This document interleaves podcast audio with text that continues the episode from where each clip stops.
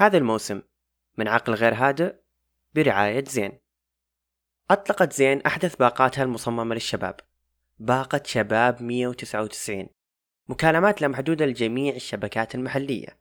واستخدام برامج التواصل بشكل لا محدود. انستغرام فيسبوك تويتر سناب شات واتساب وحتى اليوتيوب. وأضف عليها 100 جيجا للاستخدام خارج هذه المواقع. 199 ريال فقط. لباقة شبابية ما يحدك فيها شيء. أهلا. الحزن هو جزء من الطبيعة البشرية ولكننا اختلفنا لفترة طويلة من الزمن عن ما هيئته وكيفية التعامل معه. في أبسط تفسير يعتقد في العادة أن الحزن هو ردة فعل طبيعية تجاه موقف صعب يحصل لك. تحس بالحزن عند فراقك لصديق أو عند موت شخص مقرب. ولما يقول لك صديق إنه حزين. بشكل طبيعي الخطوة اللي بعدها هي سؤالك له. إيش اللي حصل؟ كتصور طبيعي أن لكل حزن سبب خارجي معروف. ولكن فكرة كون الحزن له سبب خارجي مستقل عن النفس هي فكرة جديدة نسبيا. الأطباء الإغريق كانت عندهم فكرة مخالفة لفكرتنا الحالية وأشوفها مقنعة شوي. كانوا يعتقدون أن الحزن هو سائل أسود داخل الجسم. حسب حالة الأخلاط الأربعة اللي تكلمنا فيها سابقا في حلقة الملانخوليا أو السوداوية. الأخلاط الأربعة أو ما يسمى قديما مذهب الأخلاط هو نظام طبي مفصل لتركيب وعمل الجسم البشري واللي اعتمدتها المدرسة اليونانية القديمة. تحمل هذه النظرية أن جسم الإنسان مليء بأربع مواد أساسية تسمى المزاجات واللي لما تكون في توازن يكون الشخص في صحة جيدة وأن جميع الأمراض والإعاقات يفترض أنها نتجت عن وجود فائض أو عجز في واحدة أو أكثر من هذه المزاجات الأربعة. الآن إحنا نعرف أكثر عن آلية عمل الجسم البشري إلا أن أفكار الإغريق حول الحزن ما تتعارض مع التعريف الحالي له. واللي يقول الأطباء الحديثين فيه أن الحالات العاطفية هي نتيجة تغيير في كيمياء الدماغ ولو بنسبة بسيطة.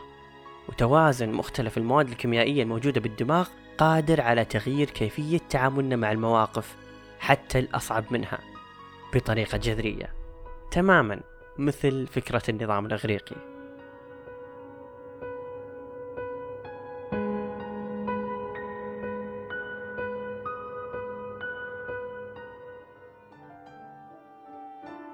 There's a bluebird in my heart that wants to get out, but I'm too tough for him. I say, stay in there.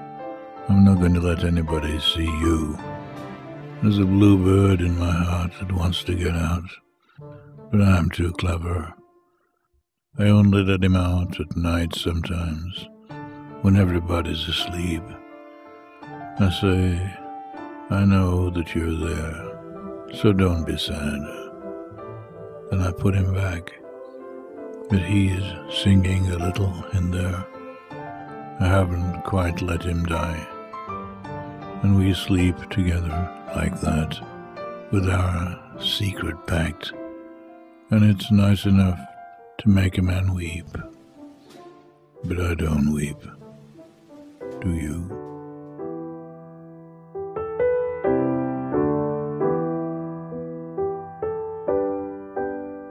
جنريشن زد أو الجيل زد هو الجيل اللي انولد بين 1995 أو قبلها بكم سنة إلى 2015 أصغر واحد فيهم الآن عمره أربع سنوات وأكبرهم 24 هذا الجيل الضخم هو أكبر جيل مر على هذا الكوكب بنسبة 25% من السكان حول العالم.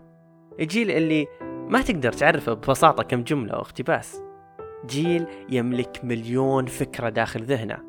بسبب وقوفه في منتصف تطورات الحياة الجديدة بشكل سريع في فترة قصيرة. ولد هذا الجيل في عز الارتباط القوي بين البشر. شكلت الهواتف الذكية وسائل التواصل الاجتماعي الحرب بجميع أنواعها. قنابل كانت أو فكرية. ورؤية الصراعات الاقتصادية والمالية اللي حاصرت الأجيال القديمة وما زالت تؤثر فيه. رغم أنه أكبر جيل وكثير من المقالات تقول أنه هو أساس التغيير الكبير للعالم في المستقبل خاصة أن الجيل واعي بأغلب الأمور متلهف لمعرفة تفاصيل أكثر عن الحياة والتعامل معها إلا أن هذه الميزة مو بالصالحة دائم للأسف. اللهفة الكبيرة هذه للحياة زادت من نسبة أن يكون الجيل كامل شبه متشائم بالمستقبل اللي طبعا يقود الكبار. وكثير من الأفكار الضبابية حول الوظائف والأمان المالي في المستقبل. ويعتقد هذا الجيل أن الحياة بشكلها الحالي غير عادلة كفاية في توزيع الفرص. في دراسة قالوا فيها أغلب المختبرين من جيل زد أن لون البشرة والجنس والوضع الاقتصادي للوالدين ومكانتهم الاجتماعية هي اللي بتحدد مستقبلهم وجدارتهم ما راح تساعدهم بشيء تقريبا.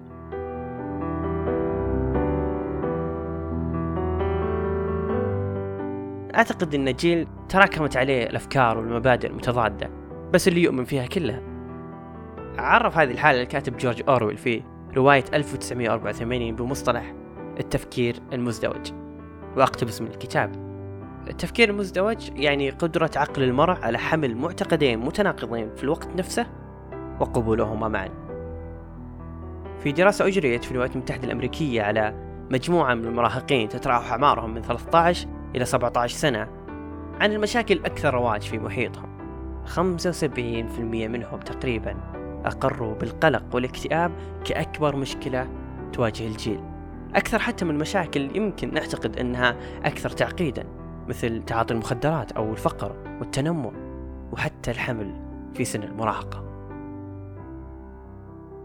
دايم يبررون أن معاناة هذا الجيل سببها الأساسي هو الانغماس بالتكنولوجيا. بس الواقع يقول العكس. تقول دراسة بريطانية أن سبب اكتئاب وقلق جيل الألفية في كثير من الأحيان هو بسبب عدم اليقين من المستقبل والحياة والفرص المقدمة لهم ويتعرضون لضغوط أكثر من الأجيال السابقة من ناحية الدراسة وسوق العمل. وهذا اللي خلاه جيل ينغمس بالدراسة أكثر من الأجيال السابقة وعندهم الكثير من المنافسة في حياتهم المهنية وصعوبة كبيرة في تحقيق الرضا الوظيفي اللي يريحهم. لذلك هو أكثر جيل يتنقل بين الوظائف باستمرار بسبب تركيزه على صنع ذاته طوال مسيرة حياته ومستعد يتخلى عن كل شيء ينقص إيمانه بقدراته.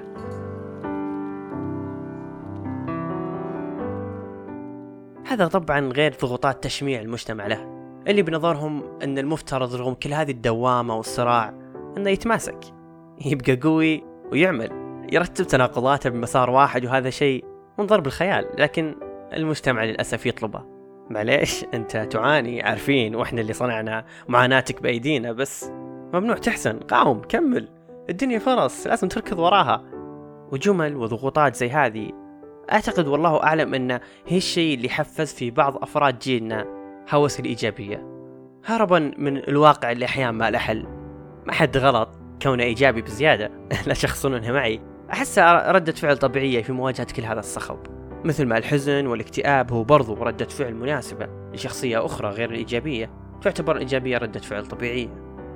ولكن الانغماس في الأكاذيب المؤقتة للنفس والهرب من الحزن وعدم التفكير بشكل واقعي أن الوضع حقيقي كله سيء. وش هذا التشاؤم؟ صح. بس كل شيء سيء يلوح لنا. وسالفة النفق المضيء في آخره هذه كذبة. والله العظيم إنه مظلم. هذه الجمل والتنظيرات هي اللي صنعت مئات الأشخاص من صاعدين المنصات على أكتافنا اللي طبعا أغلبهم مو من جيلنا. وال life coaching اللي ما سووا شيء جديد إلا أنهم رددوا كل ما سبق من بديهيات بطريقة منمقة وزادوا الضغط علينا. لأن مبنية شخصياتنا على أرض هشة وهشاشتنا تستغل من طرف كل شيء في هذا الكوكب. كل شيء يخص ضعف جيلنا جالس يستغل لصالحهم. ولما وقفنا نبي نعدل الأوضاع اكتشفنا أن الأمر أكبر من كذا. الواقع يحاصرنا من كل زاوية. لكن في أمل الحمد لله. أحس سوق التنظير جالس يتعرى سنة بعد سنة. من جيلنا اللي جالس يفهم تدريجيا من المنظر من الواقع من حولنا. بس ينقصنا دفعة معنوية بسيطة ونصير جيل مدرك بأهمية العلاج النفسي إذا عنده مشاكل شخصية. بدل نركض وراء كل هذا الوهم. مؤمن فيكم يا أصحاب. مؤمن جدا.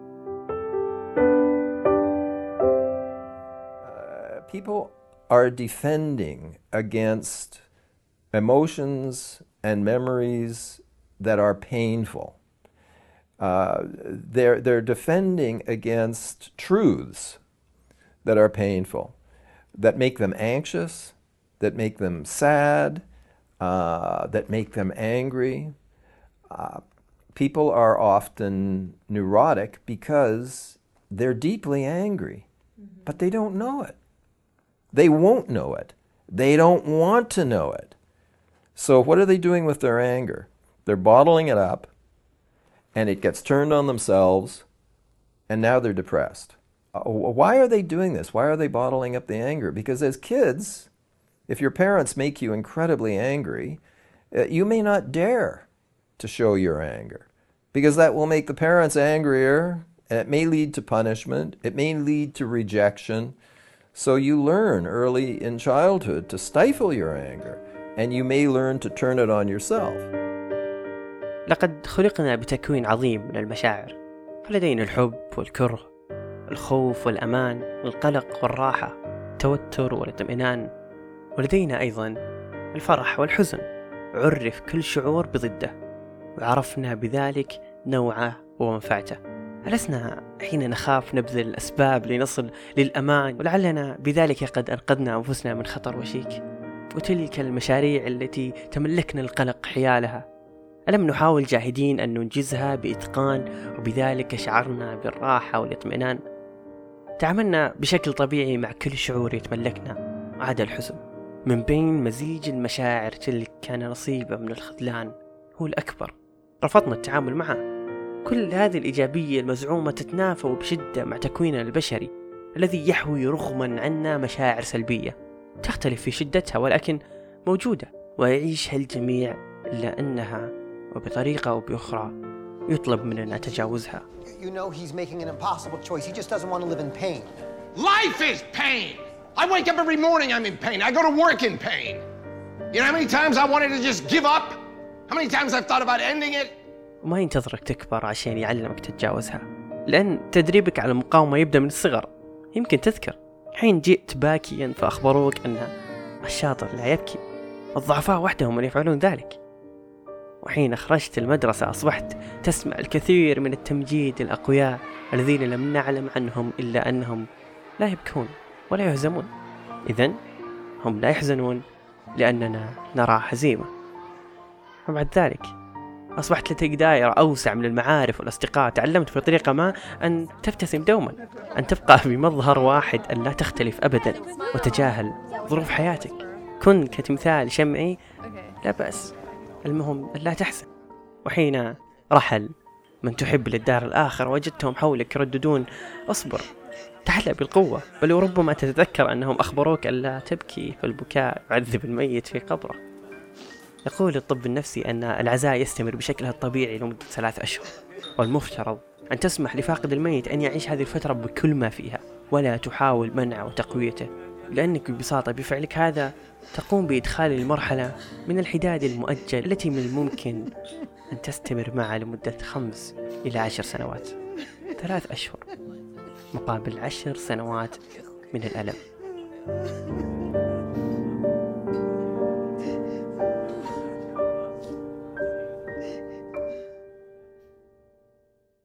الثمانينات شخص اسمه توماس ليونارد وهو مخطط مالي أمريكي. لاحظ أن عملائه رغم عدم ثبات أمورهم العاطفية واحتياجهم الشديد لعلاجها وتعديلها إلا أنهم ركزوا على طلب نصائح تخص أهدافهم وأوضاعهم المالية فتجاهلوا كل شيء يخص العاطفة.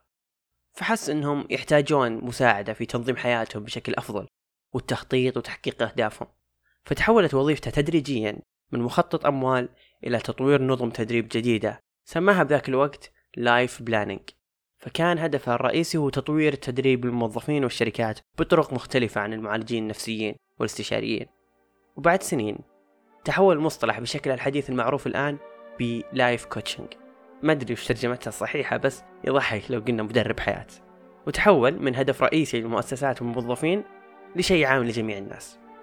وكانت هذه الشرارة الأولى لإنكرام مصطلح مدرب التنمية الشخصية أو تطوير الذات والسخرية منه بسبب أن بدايتهم كانت مجهولة وما حد يدري هل يعتبرها مهنة حقيقية ولا مجرد شيء مؤقت بيتلاشى مع الزمن. طيب نروح لأشهر مؤسستين مخصصة لتخريج المدربين ونشوف تعريفهم أصلا لل life coaching بشكلها الحديث. الاتحاد الدولي للمدربين وهو منظمة الاعتماد العالمية المعترفة بها للمدربين تقول هي شراكة مستمرة تساعد العميل على تحقيق نتائج مرضية في حياتهم الشخصية والمهنية. تعريف آخر لمعهد الامتياز المهني المعتمد برضو من اتحاد دول المدربين يقولون في تعريفهم إنها مهنة تساعد الناس على الاستفادة من غرضهم الداخلي وشغفهم وربط ذلك بالأهداف الخارجية والمهام لتحقيق نتائج غير عادية ومستدامة. الهدف الأساسي للمجال هذا مرة رهيب. وجميل خاصة أنه يركز على الأهداف ويحرص على تحقيقها إلا أنه بنظري شد عن هدفه الرئيسي في كثير من الحالات. ولأن مالي دخل بنظرتهم للمجال هذا برا السعودية أو المجتمع العربي بشكل عام أتوقع أن المدربين والمؤسسات التدريبية العربية هم أكثر ناس لعبوا بشكل ملحوظ مع حدود تعريفهم لمهنتهم الوظيفية هذه. طولت بالتعريف عنهم فخليني أدخل بسرعة ليه سوينا محور كامل لهم بحلقة زي هذه. بالنسبة لي السبب الوحيد هو وصمة العار في العلاج النفسي. ما يقدر الكثير من الناس قبوله إلا لما يكون تحت عنوان تطوير الذات. ومع أن مدربين تطوير الذات يكررون بأنهم يركزون على الصحة مو المرض والمقصد أنهم يبقون الشخص السليم يستمر بعطائه ويبقى بخير ولا يدخلون بالأشياء المرضية ويحاولون يغيرونها. إلا أنهم حصلوا بسبب رهبة الناس من العلاج النفسي طريق سهل يدخلون فيه العملية علاجية نفسية لأي أحد. طيب مبارك. دام كلهم يساعدون لجعل المريض بخير وش مزعلك؟ شكرا على السؤال. آه العلاج النفسي شيء دقيق ومخصص لكل مريض لوحده بمعنى إنك غالبا ما راح تحصل خطة علاجية واحدة لكل شخص يدخل عند دكتور معين. بينما ال life coaching تلعب على حبل الجمل والعلاج النفسي الضبابي العام المليان بالتحفيز الغير عقلاني وأقدر أحلف إنه ما عندهم خطط علاجية واضحة. وإنما كل شيء مرمي على الحيط وجمل تتكرر جلسة بعد جلسة بعد جلسة وبكذا أنت تزيد نسبة الخطر أن الكلام المعلب هذا ما يتناسب مع معطيات حياة كل شخص يمكن يلعب بحياتهم حرفيا. وأضف عليها أن عدم مقدرتهم وصلاحيتهم بالتعمق في ماضي الشخص وطفولته وحتى لو دخلوا في ماضي الشخص فهو غير مصرح لهم. يخلي طرق علاجهم سخيفة وهشة وسهل كسرها في كم سؤال عقلاني من المريض اللي جايهم. لأن علاج بدون معرفة الشخص بذاته وتعاملك فقط مع حاضرة أو ماضيه القريب مثل طلاق أو موت أحد مقرب أو خسارة وظيفة أو تشتت طالب في الجامعة يخليك مدرب تلعب على وتر الطبطبة وزراعة الآمال عشان يقفل مكالمة ويطلع من مكتبك سعيد ويحس بالتغيير بينما الواقع يصفعه مليون مرة في كل خطوة جديدة.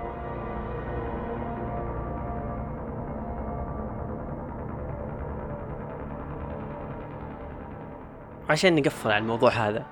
طبعا ما يفرق صعاد المنصات عن وظيفة مدربين تطوير الذات. بس إنها أشد لعب على وتر.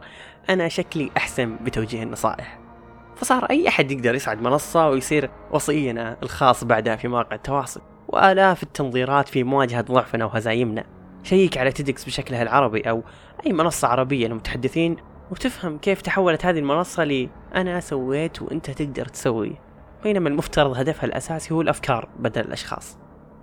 مشكلتي الأساسية مع صعاد المنصات هذولي أو حتى مدربين ال life coaching اللي مو قاعدين يمارسون وظيفتهم بشكل مناسب وقاعدين يدخلون في أمور المفروض ما يدخلون فيها هي استغلال رهبة المجتمع من مصطلح دكتور نفسي وصنع قاعدة كبيرة مخيفة تحت مصطلحات كثيرة اللي شكلها كيوت ويخليك تحس بالإنجاز والطاقة أكثر بدل ما تروح لدكتور ينبش في ماضيك وأحزانك. يعرضها لك ويجبرك على مواجهتها والإيمان بوجودها.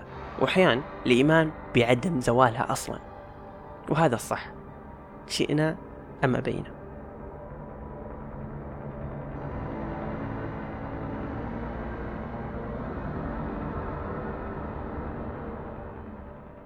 Most of the time, most days, I feel nothing. I don't feel anything.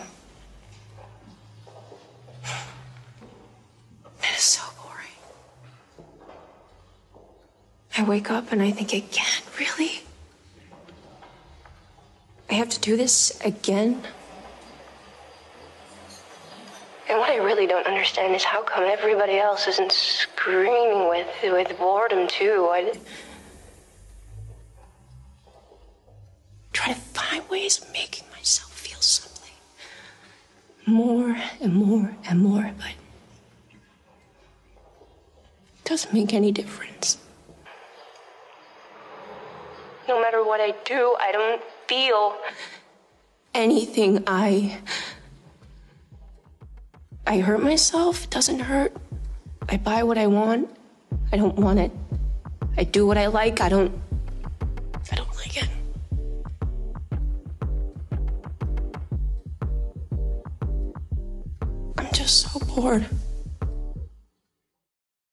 يقول آدلر تذكر أن أحد الأسباب الأساسية لامتلاكنا مشاعر هو مساعدتنا على تقييم تجاربنا.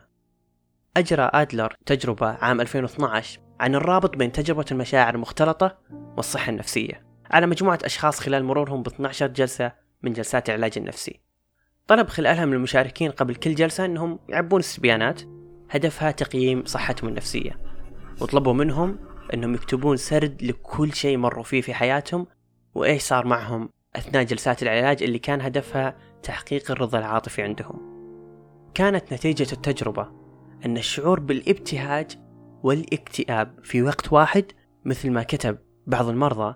وأقتبس أشعر بالحزن أحيانا بسبب كل شيء أمر فيه ولكنني سعيد ولدي أمل لأنني أعمل بالرغم من مشاكلي. تعريفه بالشعور بالحزن كان البداية لتحسن صحتهم النفسية خلال أسبوع أو أسبوعين حتى لو كانت المشاعر المختلطة في ذاك الوقت سيئة. اكتشفوا الباحثين أن المرور بالشعور الجيد والسيء معا قد يخفف من الآثار الضارة للتجارب السيئة على نحو يجعل لكل من الجيد والسيء دور لدعم التحسن في الحالة النفسية.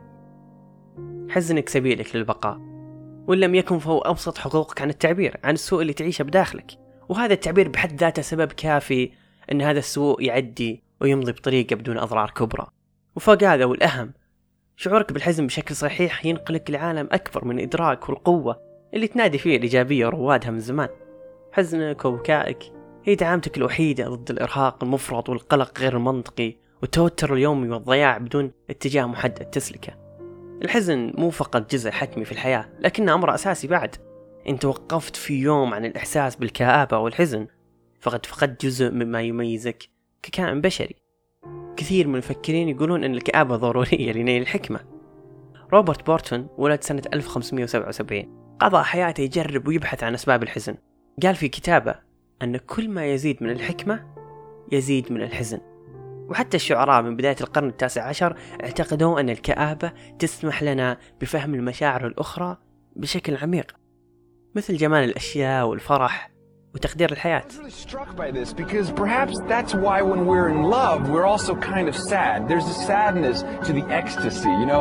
Beautiful things sometimes can make us a little sad, and it's because what they hint at is the exception, a vision of something more, a vision of a hidden door, a rabbit hole to fall through, but a temporary one. And I think ultimately that is kind of the tragedy. That is why love simultaneously fills us with melancholy. So that's why sometimes I feel nostalgic over something I haven't lost yet because I see its transience. And so how does one respond to this? Do we do we love harder? Do we squeeze tighter? Or do we embrace the Buddhist creed of no attachment? Do we pretend not to care that everything and everyone we know is going to be taken away from us? حربنا مع الحزن وعدم تقبله أو مقاومته تخلينا في حالة قلق دائم وتوتر قلقك من الحزن راح يضع الكثير على عاتق عقلك وراح تبدأ ملاحظة أن ذاكرتك تضعف وتركيزك يتشتت بتشعر بوهن دائم. مع مضي السنوات بتكون يا صديقي المقاوم أكثر عرضة للإصابة بأمراض الذاكرة والزهايمر. ولا أظن أن الأمر يستحق كل ذلك. وإن شاء القدر ونجوت من الزهايمر فما راح تنجو من الاكتئاب اللي راح يمنعك ويغلف روحك من الشعور بالفرح أبدا. I become spiteful. I'm just as bad as they are. They, I'm, I'm worse. I fucking hate myself for it. I'm, I am so fucking lonely. فذاك الحزن البسيط اللي قاومته واللي يمكن ما راح يستغرق إلا أيام قليلة من الحزن والألم بيتحول لاكتئاب لشعور دائم لا مهرب منه برضو ما أظن الأمر يستحق كل هذا حزنك هو السبيل الوحيد للبقاء للعيش للاستمتاع بأيامك حزنك هو طريقك الوحيد للحياة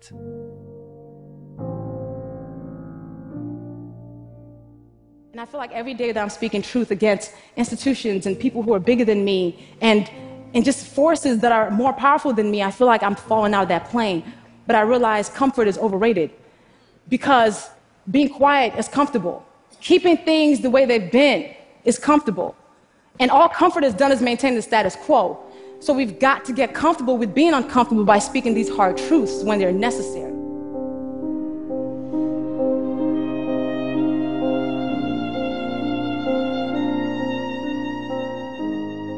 ما راح تعرف ذاتك بشكل كامل فلا تسعى لها بشكل كامل وتضيع حياتك تبحث عن مجهول لأنك مجهول بذاتك تخديرك إن ما جاء منك راح يجي من غيرك وهذا الأسوأ تحت عناوين كثيرة منها أنهم يرغبون بتطوير ذاتك أو تهذيبها.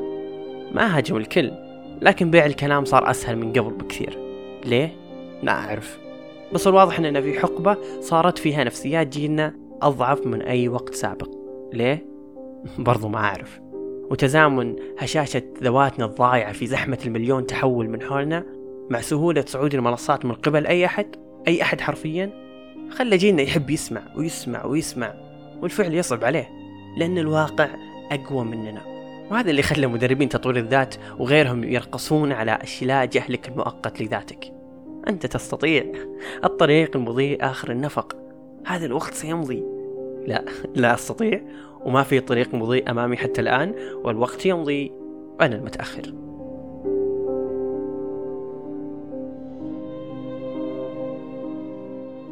تلميع صور العلاج النفسي ما يكون بهذه الطريقة إن كان لديك مشكلة حقيقية مع ذاتك توجه لأقرب دكتور نفسي واطلب المشورة. الهراء التحفيزي ما يوكل روحك إلا عيش باهت ومؤقت.